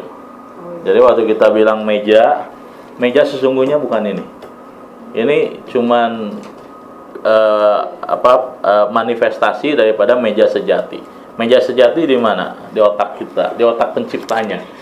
waktu dia membuat berpikir meja nah meja itu seperti apa kemudian dia dia dia kemudian membuat menyerut dan sebagainya. Jadilah meja ini. Maka meja ini sebenarnya adalah manifestasi daripada meja sejati di mana? Di kepalanya di otaknya. Itu menurut Plato. Jadi yang nyata dengan yang di- dengan yang non materi yang materi ini adalah hanya em, eh, eh, gambaran daripada yang yang nyatanya sebenarnya yang yang yang non materi itu. Kira-kira itu cara berpikir penulis Alkitab enggak begitu apa para penulis Alkitab waktu berbicara soal tipologi terpengaruh Plato Plato itu hidup eh, sebelum penulis-penulis PB itu. Mungkin nggak dia belajar dari Plato. Oh, indah, beautiful katanya begitu ya. Saya pakai ini menjelaskan PL dan PB. ada ada bedanya nggak tipologi dengan eh, eh, eh, bagaimana Plato menjelaskan tentang realita dan em, eh, apa itu namanya eh, em, em, yang sesungguhnya, realita dan yang sesungguhnya, kira-kira.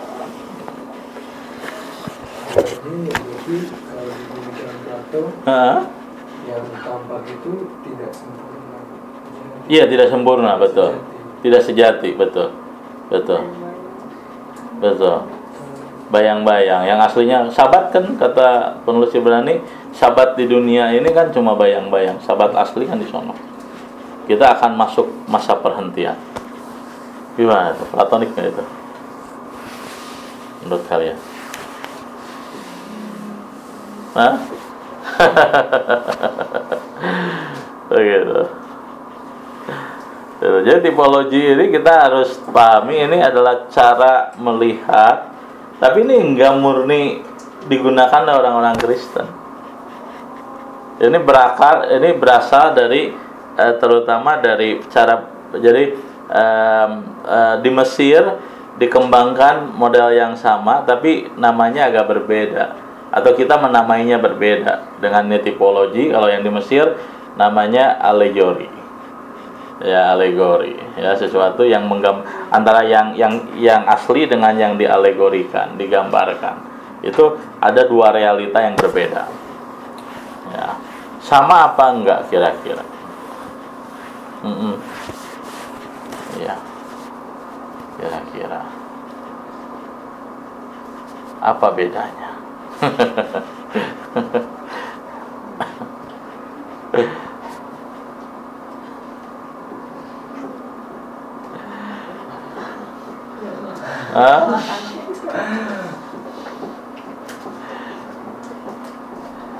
Mirip tapi tidak sama. Mirip tapi tidak sama. Miripnya dalam cara membandingkannya. Tidak samanya di mana ini ya. Ya, ya, tidak samanya di mana. Hmm? Kalau Alkitab waktu dia berbicara tentang dunia materi, eh, Alkitab bicara dunia materi itu seperti apa? Waktu pada mulanya Allah menciptakan langit dan bumi, Allah bikin bebek, misalnya angsa. Lalu Tuhan bilang apa kepada ciptaannya? Baik kan, manusia excellent, tapi segala sesuatu baik kan, baik. Nah jadi eh, lalu apa yang membuat eh, dunia ini menjadi kurang baik. Sekarang angsa tidak bahagia, ya bebek juga menderita masuk ke apa ke ke tempat apa itu eh, roasted duck gitu ya roasted duck kan nggak bahagia dari situ kan begitu. Nah apa yang membuat itu terjadi? Hah? Apa yang membuat itu terjadi?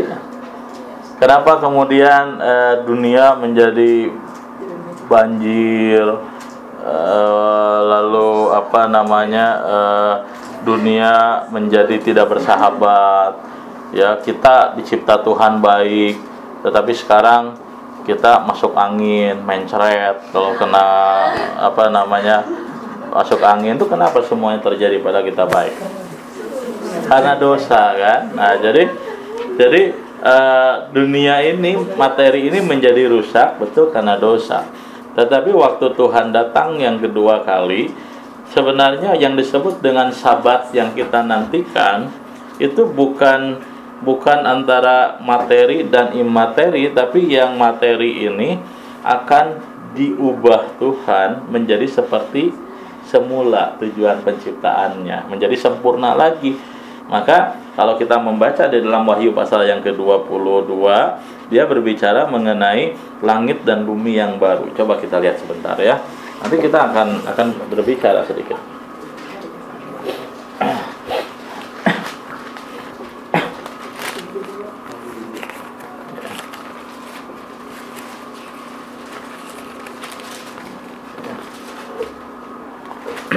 Dua puluh satu.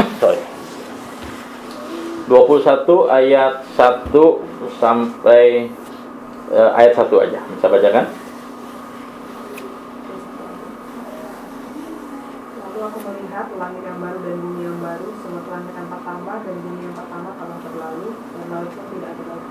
Ya, ayat yang kedua. Dan aku melihat kota yang kudus, Yerusalem yang baru, turun dari surga dari Allah, yang berhias bagaikan pengantin perempuan yang berdandan untuk suaminya. Ya. Nah, jadi dikatakan aku melihat langit yang baru dan bumi yang baru. Ya, langit yang baru dan bumi yang baru atau lebih tepat sebenarnya langit dan bumi yang baru. Jadi satu. Karena dikatakan kenapa? Langit yang pertama dan bumi yang pertama telah berlalu, nggak ada lagi. Ya.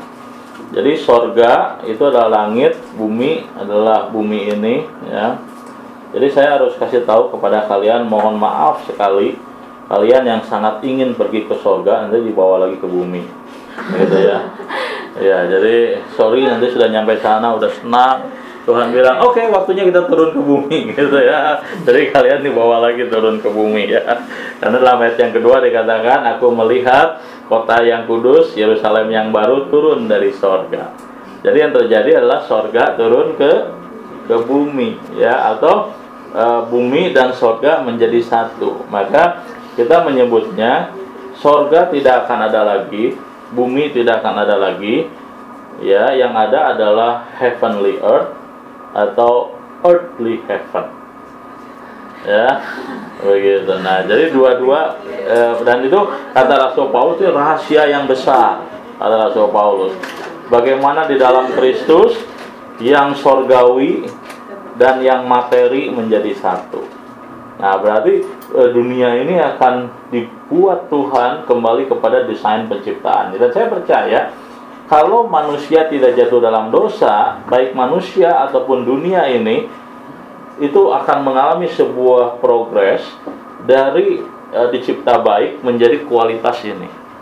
Ya, bagaimana sorga dan bumi itu dengan kualitas yang yang yang menjadi satu, ya. Ya, jadi kalau nanti meninggal masuk sorga, ya nanti siap-siap aja ya, turun lagi ke bumi nanti. Nah, kenapa demikian? Karena ini indahnya, karena di dalam teologi ya, Kristen ternyata materi itu dunia ini itu baik, indah dan dikasihi Tuhan. Maka eh, waktu Tuhan menciptakan dunia ini dalam dalam berapa hari Tuhan menciptakan dunia ini? Enam hari dan hari yang ketujuh dikatakan apa? Tuhan beristirahat. Betulkah Tuhan butuh istirahat? Lalu Kenapa dia kita katakan Tuhan butuh istirahat? Hah? Uh, uh, uh, kena, ya, ya, tapi maksudnya um, kenapa hari yang ketujuh berbicara soal maka Tuhan beristirahat? Hmm?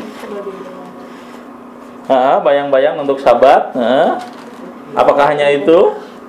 Ya, maka dikatakan di sini kan uh, kejadian satu ayat yang ke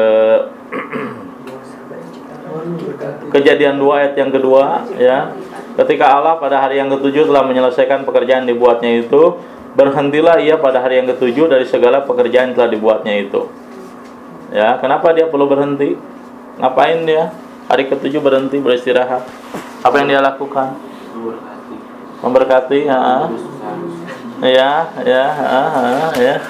Ya ini ini berbicara soal teologi sabat. Ya apa sih sebenarnya sabat itu dalam teologi penciptaan? Menikmati. Menikmati apa? Siapa yang menikmati ciptaan? Ciptaan ciptaan penciptaan Hah?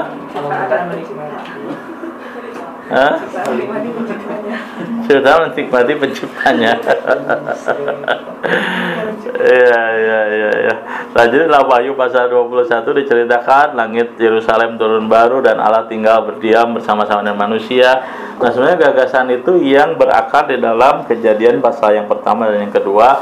Allah menciptakan langit dan bumi mulai dari tidak ada menjadi ada lengkap gitu ya, tidak ada apa-apa, kosong, Tuhan isi penuh dengan air, air dipisahkan, e, gelap gulita Tuhan menciptakan benda penerang kosong binatang ada pengelolanya begitu ya. Dan pada hari yang ketujuh Tuhan berhenti untuk apa? Untuk tinggal bersama-sama dengan ciptaan. Nah itu sebenarnya hari ketujuh. Bagaimana Tuhan setelah menciptakan segala sesuatu bukan supaya dunia ini buat manusia bukan di hari yang ketujuh setelah semuanya lengkap Tuhan hadir bersama-sama dengan dunia ini teologi luar biasa sekali karena teologi ini adalah teologi yang membuat kita aware bahwa ternyata dunia dan segala ciptaan ini itu sangat dikasihi Tuhan dan bahkan Tuhan ingin tinggal di dalamnya. Dan itu yang kita lihat dengan Yerusalem baru. Yerusalem turun dan Tuhan tinggal di tengah-tengah kita. Maka tidak ada lagi sakit penyakit, mencret dan lain sebagainya. Gitu ya, hilang karena kesempurnaan Tuhan. Begitu kan? Nah, jadi eh, seperti itu ya. Nah, jadi apa bedanya sekali lagi tipologi dengan teologi dengan teori Plato? Nah, Plato itu bilang begini, dunia ini jahat, dunia ini jelek, dunia ini tidak sempurna. Ada dunia yang lain. Ya, dunia paralel. Jelas sekarang kan, dunia yang lain. Jadi kalau kita mau bahagia, tinggalkan dunia ini pindah ke dunia yang lain. Makanya di dalam filsafat Plato bahwa Yesus sudah meninggalkan dunia ini kembali mengenakan materi bagi dia insane itu nggak bisa dia. Gila itu. Nggak mungkin kata dia. Kenapa nggak mungkin bagi teori Plato? Justru kalau orang mati itu harus bahagia karena dia sudah lepas dari ikatan dunia ini. Ya Yesus sudah sudah lepas dari ikatan dunia ini. Dia, dia pakai lagi tubuh jasmaninya kemudian hadir lagi di dunia. Nah itu perbedaan luar biasa dari Plato dengan iman Kristen. Gitu ya. Nah jadi tipologi itu sebenarnya bukan berbicara mengenai uh, dua uh, dialektika um, apa namanya itu ya dialektika realita. Bukan istilah kerennya.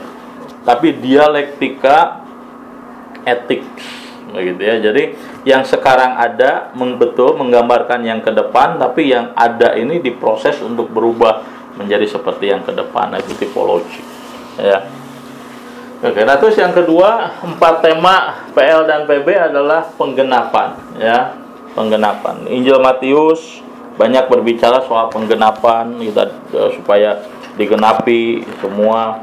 Tapi Paulus juga berbicara hal yang sama penggenapan ya.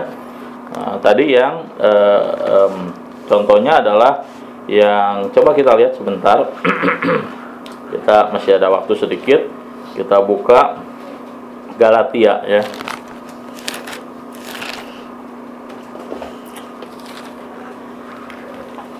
Galatia pasal yang keempat ya ayat 21 sampai dengan 31 Hagar dan Sarah. Bisa kita bacakan dia Hagar dan Sarah Katakanlah kepadaku, hai kamu yang mau hidup di bawah hukum Taurat Tidakkah kamu mendengarkan hukum Taurat?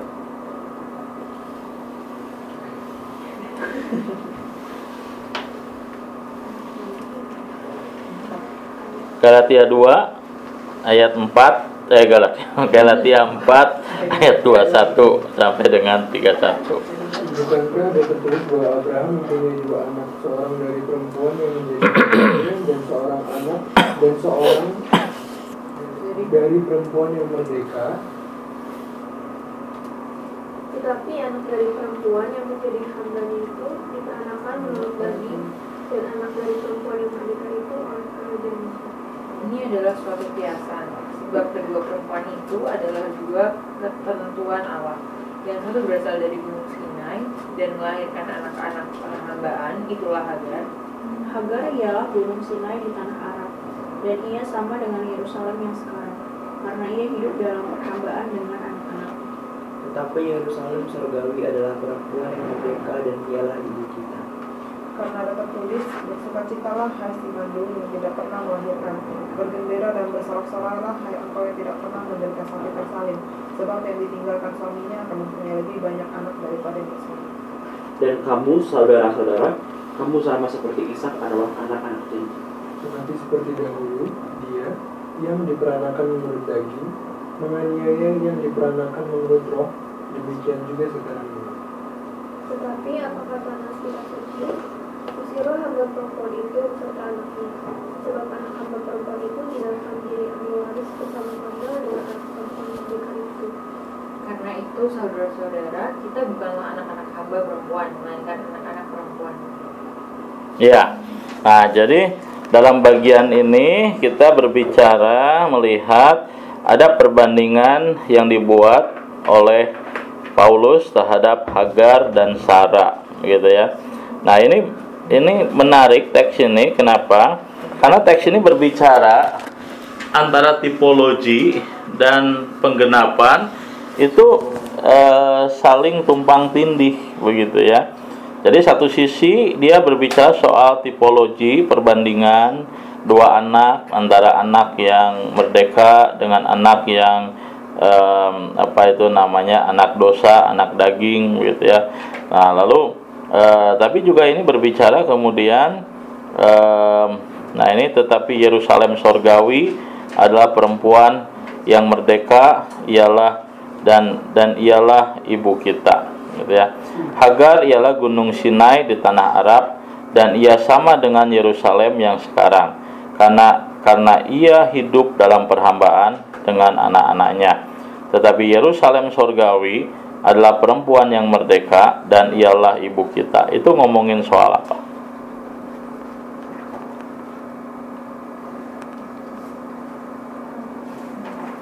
Hah? Coba lihat lagi ya, kita lihat lagi. Ini menarik. Eh, mulai ay- ay- ayat-ayat 20 24 ya. Ini adalah suatu kiasan. Sebab kedua perempuan itu ialah dua ketentuan Allah. Nah, yang satu berasal dari Gunung Sinai dan melahirkan anak-anak perhambaan, itulah Hagar. Hagar ialah Gunung Sinai di tanah Arab dan ia sama dengan Yerusalem yang sekarang. Karena ia hidup dalam perhambaan dengan anak-anaknya. Tetapi Yerusalem sorgawi adalah perempuan yang merdeka dan ialah ibu kita. Dia sedang ngomongin apa itu? Hah?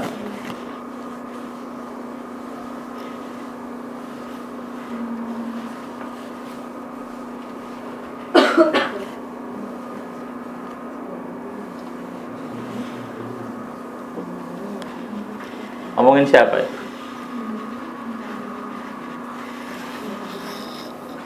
Ngomongin orang Islam? Bukan. Islam belum ada waktu itu. ya, belum ada. Islam baru tahun apa tahun eh, di abad kelima gitu. Ini ngomongin siapa? Hah? Ah, bukan. Eh, itu coba baca. Hagar siapa kata dia? Nah, eh, ayat 25 Hagar ialah gunung Sinai di tanah Arab dan ia sama dengan Nah, siapa yang, yang disebut Yerusalem sekarang oleh Paulus? Hah? Orang Yahudi atau agama Yahudi. Ya. Terus eh, dibandingkan sama dia, tetapi Yerusalem sorgawi ialah perempuan yang merdeka dan ialah ibu kita. Itu ngomongin siapa? Hah? Gereja. Ya, Paulus membandingkan gereja dengan agama Yahudi. Makanya itu karena eh, dan Paulus mengatakan agama Yahudi itu atau keyakinan dia sebelumnya itu seperti Hagar yang memiliki anak perhambaan, hidup di bawah perhambaan. Perhambaan apa? Perhambaan Taurat. Itu perbandingannya. Ya, jadi waktu Paulus berbicara begini bahasa yang sangat keras. Begitu, sangat keras karena orang Yahudi tidak rela dia disebut keturunan Hagar. Begitu, itu nggak rela. Tetapi Paulus berkata kalau kamu hidup seperti ini, gitu ya, karena dia berkata bahwa di dalam perjanjian lama bahwa Allah membangun umatnya bukan berdasarkan perhambaan terhadap aturan-aturan hukum, tapi berdasarkan iman. Maka dia membuat perbandingan seperti ini. Begitu ya dan dan dikatakan gereja adalah seperti um, apa itu namanya seperti uh, Yerusalem baru seperti apa namanya um, um, um, seperti Hagar eh seperti Sarah. Dan kemudian dia berkata dalam ayat 26 karena ada tertulis bersukacitalah hai si mandul yang tidak pernah melahirkan bergembiralah bersorak-sorailah. Hai engkau yang tidak pernah menderita sakit bersalin sebab yang ditinggalkan suaminya akan mempunyai lebih banyak anak daripada yang bersuami. Jadi Hagar eh, Sarah tidak memiliki anak tetapi nanti dia akan memiliki banyak anak. Melahirkan bangsa-bangsa yang besar dan bangsa-bangsa yang besar itu salah satunya adalah orang-orang non Yahudi yang percaya menjadi keturunan Abraham, keturunan Sarai di dalam iman. Nah, jadi dalam teks yang sama itu ada tipologi, ada penggenapan, begitu ya. Nah, itu yang membuat maka sebenarnya waktu kita membaca um, um, um, kutipan-kutipan PL dalam PB kita tuh nggak bisa saklek berkata ini ini kristologi, ini tipologi, ini penggenapan. Karena mereka itu kadang eh, apa namanya eh, iya ter, ter, ter apa eh, in, apa itu kalau intermingle apa namanya ter terrajut begitu ya satu dengan yang lain begitu. Nah jadi eh, waktu waktu kita berkata tadi satu kali ini adalah tipologi PL yang ada di dalam PB eh, tapi dalam sebuah tipologi kadang itu itu adalah kristologi itu juga penggenapan sejarah keselamatan. Nah itu saling apa terajut gitu ya satu dengan dengan dengan yang lain nggak bisa dipisahkan. Sama seperti waktu kalian bikin apa itu um, tikar ya. Kan tikar ada warna-warni ya itu nah jadi itu terajut satu dengan yang lain. Itu nggak bisa dibuka. Kalau dibuka ya tinggal apa tinggal tinggal warna merahnya saja kuningnya saja dan seterusnya Nah itu adalah tema teologi PL dan PB yang menjembatani PL dan PB. Tapi sebenarnya masih ada lagi, sebenarnya masih kurang yaitu ethical uh, etik, ethical principle ya. Tapi ya tapi nanti kita bahas itu kemudian. Ya ada pertanyaan sampai di sini. Kalau ada silahkan. Oh ya, oh ya, ya kalau ada silahkan. Kita ambil waktu untuk bertanya atau dan menjawab. Jelas untuk kalian? Nah, kalau jelas saya ingin masuk ke aspek kedua, ketiga, atau aspek keberapa ya? Sudah lupa. Nah, penggunaan PL oleh PB. Nah, ini ya. Nah, ini. Jadi, um, para penulis PB sering mengutip PL baik secara langsung ataupun tidak langsung. Nah, ada tiga pandangan berbeda bagaimana penulis PL melihat penggunaan PL oleh penulis PB. Gitu ya, ada tiga pandangan berbeda. Nah, ini yang penting. Satu, single meaning unified reference. Reference. Ya, reference. Apa yang penulis PL maksudkan sama dengan apa yang penulis PB Penulis PB mengutip PL sebab ada kesamaan kondisi dan keadaan dari pembaca PL dan pembaca PB. Ya. Jadi eh, itu menjadikan referensi. Gitu ya, sama seperti waktu kita bicara soal boleh nggak sih orang Kristen bercerai?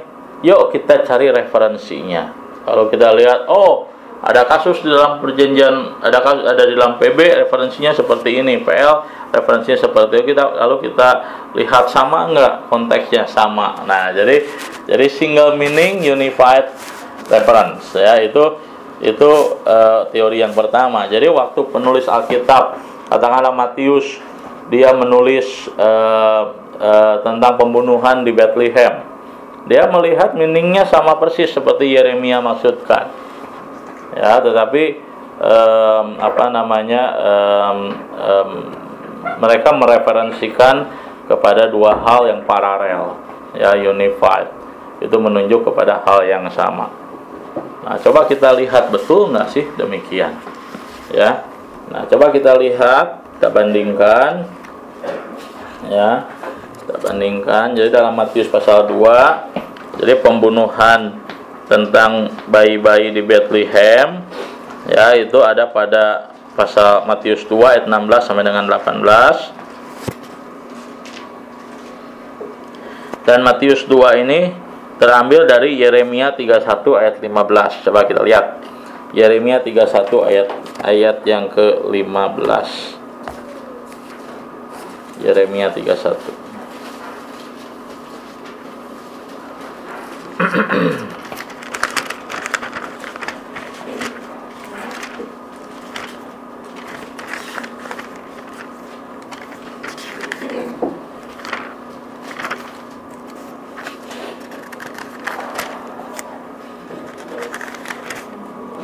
Ya. Atau kita baca ya dari ayat yang eh, ke 10 ya saya bacain ya. Dengarlah firman Tuhan hai bangsa-bangsa. Beritahukanlah itu di, tan di tanah-tanah pesisir yang jauh. Katakanlah dia yang telah menyerahkan Israel akan mengumpulkannya kembali dan menjaganya seperti gembala terhadap kawanan dombanya. Nah, ini nubuatan tentang bangsa Israel akan diserahkan ke bangsa-bangsa, tapi Tuhan berjanji akan mengumpulkan kembali ya. Ayat 11. Sebab Tuhan telah membebaskan Yakub dan telah menebusnya dari tangan orang yang lebih kuat daripadanya. Nah, ini berbicara soal e, penjelasan bahwa Israel menjadi tawanan oleh bangsa lebih kuat tapi akan dilepaskan. Mereka akan datang bersorak-sorak di atas bukit Sion. Muka mereka akan berseri-seri karena kebajikan Tuhan. Karena gandum, anggur, dan minyak, karena anak-anak kambing domba, lembu sapi, hidup mereka akan seperti taman yang diairi baik-baik mereka tidak akan kembali lagi merana. Nah, ini janji Tuhan bahwa nanti mereka akan memiliki kondisi yang lebih baik, begitu ya. Waktu New Covenant terjadi. Pada waktu itu anak-anak darah akan bersukaria, menari, beramai-ramai. Orang-orang muda dan orang-orang tua akan bergembira. Aku akan mengubah pekabungan mereka menjadi kegirangan dan menghibur mereka dan menyukakan mereka sesudah kedukaan mereka. Nah, ini janji Tuhan untuk mereka yang akan dibawa kembali oleh Tuhan dari pembuangan. Aku akan memuaskan jiwa para imam dengan kelimpahan dan umatku akan menjadi kenyang dengan kebajikanku. Demikianlah firman Tuhan. Nah, ini janji sekali lagi New Covenant kalau tuh mereka dibuang Tuhan tapi satu kali dikumpulkan akan dipulihkan. Ayat 15 Beginilah firman Tuhan, dengar di Rama terdengar ratapan, tangisan yang pahit, pedih. Rahel menangisi anak-anaknya, ia tidak mau dihibur karena anak-anaknya, sebab mereka tidak ada lagi. Beginilah firman Tuhan, cegahlah suaramu dari menangis dan matamu dari mencucurkan air mata. Sebab untuk jerih payahmu ada ganjaran, Demikian firman Tuhan. Mereka akan kembali dari negeri musuh. Masih ada harapan untuk hari depanmu. Demikianlah firman Tuhan. Anak-anak kembali ke daerah mereka. Nyambung nggak kutipan Matius dengan kutipan Yeremia? Hmm? Ayo. Bisa nggak kalian mengkaitkan apa yang Matius katakan, tangisan dirama, dengan apa yang Yeremia katakan. Itu Matius main comot ayat atau Oh main comot ya. Hah?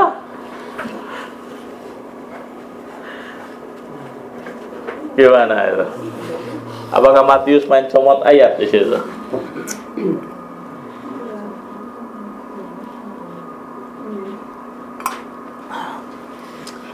Matius melintir ayat tulisan daripada Yeremia?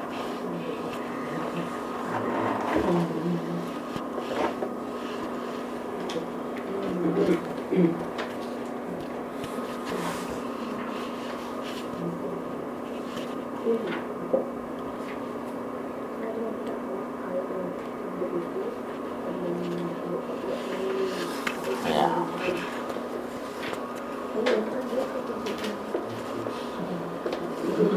Gimana menurut kalian?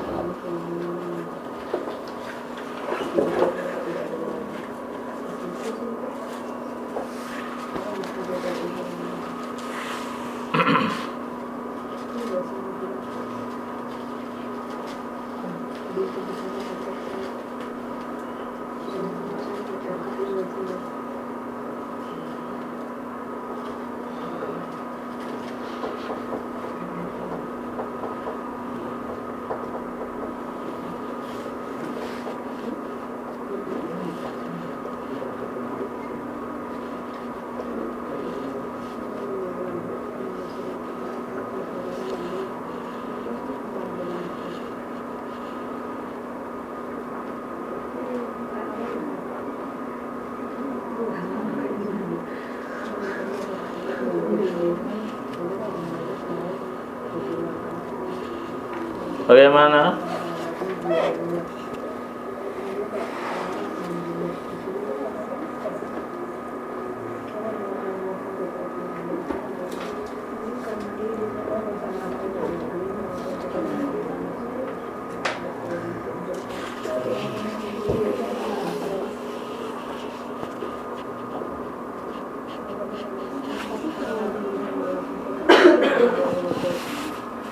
Kalian baca yang Matiusnya, Matius bilang genaplah apa yang dinubuatkan Yeremia. Emang yang digenapi apa? Nah, Kalau kalau ini kan kayak hmm, nah, ke kejadian 35. ah, gimana ulang ulang? Iya. Kan Yeremia juga ngirinya ke yang kejadian 35. Ah, ah, ah. Ya Matius, eh, ya, terus ya, ah. terus gimana? Jadi bagaimana? Nah, kalau di itu kayak tentang Rahel kayak lagi mau bersalin tapi Iya, eh, mau mati juga gitu tapi tenang aja ini yang lahir laki-laki gitu. iya. Terus kayak mungkin mirip Yesus. Hidup Yesus? Maksudnya kayak itu kan anak-anak mati tapi kan Yesus tetap gitu. Oh, Iya, iya, iya, iya, iya. Iya, iya. Coba, coba di, dibantu, dibantu. Bagaimana membahasakan idenya itu? Hah? Apa sih yang yang digenapi menurut Matius itu dari dari Yeremia dari perjanjian lama itu apa yang digenapi? Tangis dan ratap amat Hah? Tangis dan ratap yang amat sedih Eh, memang di di di di di Bethlehem ada kematian, betul kan? Eh, terus? Ya Mhm. Pada nangis Jadi tiba-tiba waktu Matius ingat di Bethlehem terjadi pembunuhan. Oh iya, Yeremia pernah ngomong soal Bethlehem bahwa di Rama di sana orang eh, di, di Rama akan akan ada kesedihan. Nah ini ini cocok ini gitu. Kurang lebih itu yang dia lakukan. Enggak. Kalau tadi maksudnya Ribka ini Hah? kayak Kristus. iya jadi walaupun ada pembunuhan kan Kristus tetap hidup terus Hah? kalau yang di kejadian itu walaupun Hah? ada yang mati tapi Siapa yang mati? Rahel Ah, terus? kejadian itu Rahel mati tapi Benyaminnya anak laki-laki gitu kan terus Iya, pokoknya dia ngelahirin eh, pokoknya di sini. Iya Situasi? Itu memang se- Hah? semencekam itu gitu. Maksudnya di sini Semencekam itu. Kayak gitu. Iya. Situasinya menghasilkan Apa ya kayak antisipasi yang sama. Antisipasi yang sama, maksudnya gimana? Apa yang diantisipasi? Ya kayak kondisinya itu seakan-akan Nah, Indonesia dalam kondisi yang sukar kayak gitulah Ah, sama ah. seperti yang dulu-dulu kayak ah. gitu nanti akan lahir akan lahir ya Yesusnya Yesusnya. substansinya itu mirip sukarnya dengan yang di Yeremia dan yang di kejadian Oke, sudah dekat sebenarnya. Iya. Tinggal menyentuh satu aspek lagi. Iya. Ya, jadi kan eh, dalam Yeremia itu dia berbicara soal eh, pemulihan itu kan bahwa Tuhan akan memulihkan. Nah, tetapi sebelum sebelum ada pemulihan ada satu masa di mana masa penderitaan. Gitu kan mereka pernah dibuang, dijajah, ada tangisan dan kemudian dijanjikan bahwa kepada Rama memang ada tangisan tapi nanti akan ada pemulihan. Nah, yang Matius lihat dalam peristiwa itu dia melihat betul dalam kejadian di Bethlehem ada ada sebuah penderitaan, ada sebuah tragedi, tapi jangan berhenti sampai di sini. Gitu, karena ini adalah penggenapan apa yang tragedi ini adalah adalah tragedi yang terjadi yang dulu pernah terjadi dan sekarang terjadi lagi tetapi tragedi ini merupakan tragedi yang akan membukakan sebuah janji yang baru yang sudah dijanjikan. Nah, jadi menurut saya waktu Matius membicarakan ini dia bukan asal comot, dia mengerti bahwa tradisi itu berbicara soal new covenant. Kenapa kalau hari pemulihan datang, era pemulihan datang harus ada penderitaan? Nah, dan dia melihat ada referensi yang sama, referensi yang sama dengan eh, Yeremia. Oke, ya, ya kita sampai di sini dulu. Betul sampai di sini? Yang 10? Ya, oke. Baik, saya kembalikan. Nanti kita lanjutkan setelah ini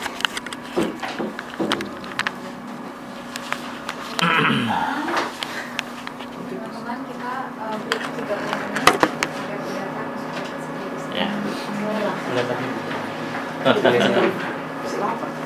Mau diskusi sama Bapak Chandra Brawan juga boleh di luar sana. Oh iya iya, saya mau minum kopi memang. Sudah waktunya. Sudah waktunya.